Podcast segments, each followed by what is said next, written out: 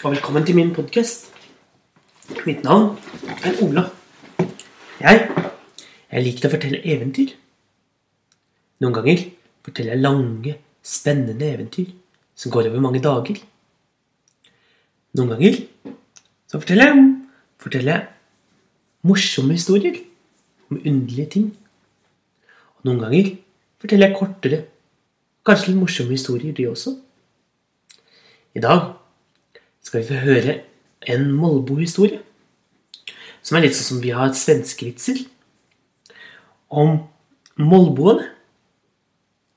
Denne gangen skal vi høre molboerne og fyrstikkene. Det var en gang i en hytte. To molboer som satt.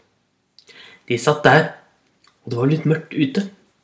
Og det eneste lyset de hadde, var en liten parafinlampe som du må tenne med en fyrstikk.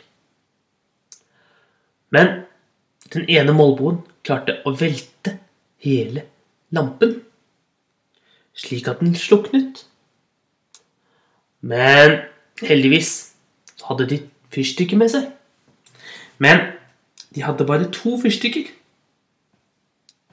Og rett som det var, så mistet han den ene fyrstikken som han hadde. Og den forsvant ned på gulvet. Og det var helt, helt mørkt.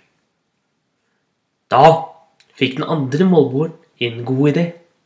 Han tente den ene fyrstikken han hadde igjen, for å lete etter den første fyrstikken.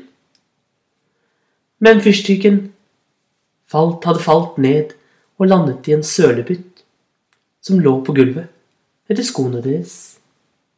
Så den var blitt helt våt, og nå kunne den ikke lenger tennes. Og rett som det var, så sluknet fyrstikken som han holdt i hånden. Og den kvelden ble det sånn at målboerne ble sittende i mørket. Takk for i dag.